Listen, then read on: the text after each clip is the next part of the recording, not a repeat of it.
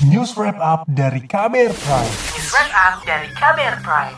Hasil kajian dan penelitian sejumlah lembaga menunjukkan terjadi peningkatan kasus kekerasan pada anak di masa pandemi COVID-19. Kekerasan terjadi seperti perkelahian, pemukulan hingga pelecehan seksual dan perkosaan. Bagaimana melindungi anak agar terhindar dari kekerasan, khususnya di masa pandemi ini? Berikut saya hadirkan laporan khas KBR yang disampaikan Astri Yuwanasari. Sebuah kajian cepat yang dilakukan Lembaga Kemanusiaan Wahana Visi Indonesia beberapa bulan lalu memperlihatkan terjadi peningkatan kasus kekerasan pada anak selama pandemi COVID-19 di 14 kabupaten kota di Indonesia pada tahun ini. Kajian yang melibatkan Kementerian Pemberdayaan Perempuan dan Perlindungan Anak itu mencatat kekerasan pada anak – Misalnya kasus perkelahian, pemukulan, pencabulan, pelecehan seksual, penelantaran anak, hingga perkosaan.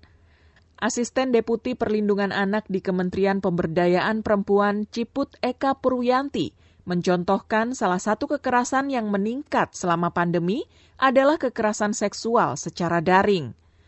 Misalnya eh, kekerasan seksual online yang banyak terjadi yang itu karena memang uh, saat ini semua akses ke internet begitu luas, maka itu juga menjadi eh, isu-isu yang mengemuka yang memerlukan pendekatan tersendiri untuk bisa mengatasinya. Kemudian meningkatnya uh, pekerja anak atau anak yang bekerja karena kesulitan ekonomi yang dihadapi orang tuanya.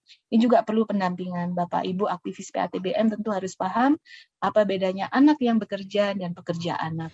Isu ini menambah dampak pandemi kepada anak, selain dampak penularan virus COVID-19 itu sendiri. Berdasarkan catatan akhir tahun 2020 dari Komisi Nasional Perempuan, selama 2020 lalu ada lebih dari 2.000 kasus kekerasan terhadap anak perempuan. Angka ini bahkan meningkat 65 persen dibanding tahun sebelumnya. Sementara itu, Kementerian Pemberdayaan Perempuan dan Perlindungan Anak mencatat angka yang lebih tinggi lagi untuk kasus kekerasan seksual pada anak dan perempuan selama tahun lalu. Angkanya mencapai lebih dari 7.000 kasus.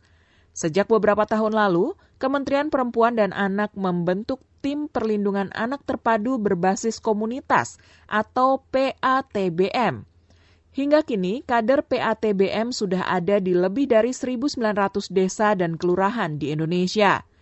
Fasilitator Nasional PATBM Antik Bintari menyebut keberadaan para kader dan aktivitas PATBM ini sangat membantu memberikan pendampingan pada perlindungan hak anak terutama saat ini di masa pandemi. Sebetulnya PATBM itu udah punya kekasan ya dari mulai tujuannya mereka melakukan apa tuh ya pastinya adalah pencegahan dan merespon atau melakukan deteksi dini ya untuk berbagai kasus kekerasan. Nah aksi kuncinya tentu saja ya tadi harus berkaitan pada dua itu pada pencegahan dan upaya penanganan yang uh, apa minimal gitu ya minimal atau deteksi dini. Deputi Perlindungan Anak di Kementerian Pemberdayaan Perempuan dan Perlindungan Anak, Nahar, mengatakan anak termasuk kelompok rentan yang sangat terdampak pandemi COVID-19.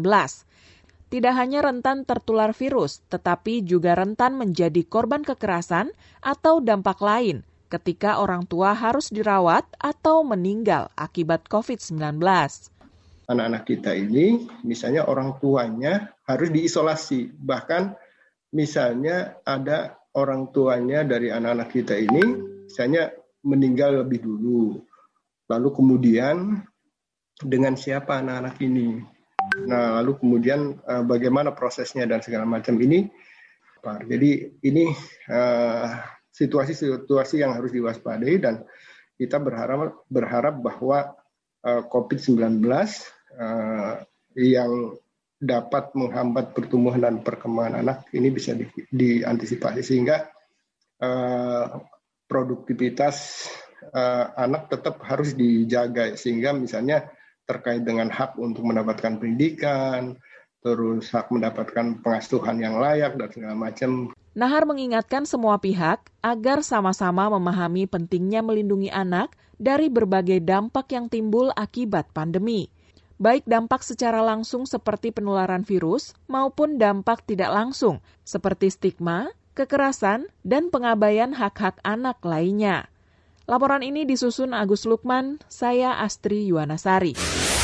Kamu baru saja mendengarkan news wrap up dari Kabel Prime. Dengarkan terus kbrprime.id, podcast for curious minds.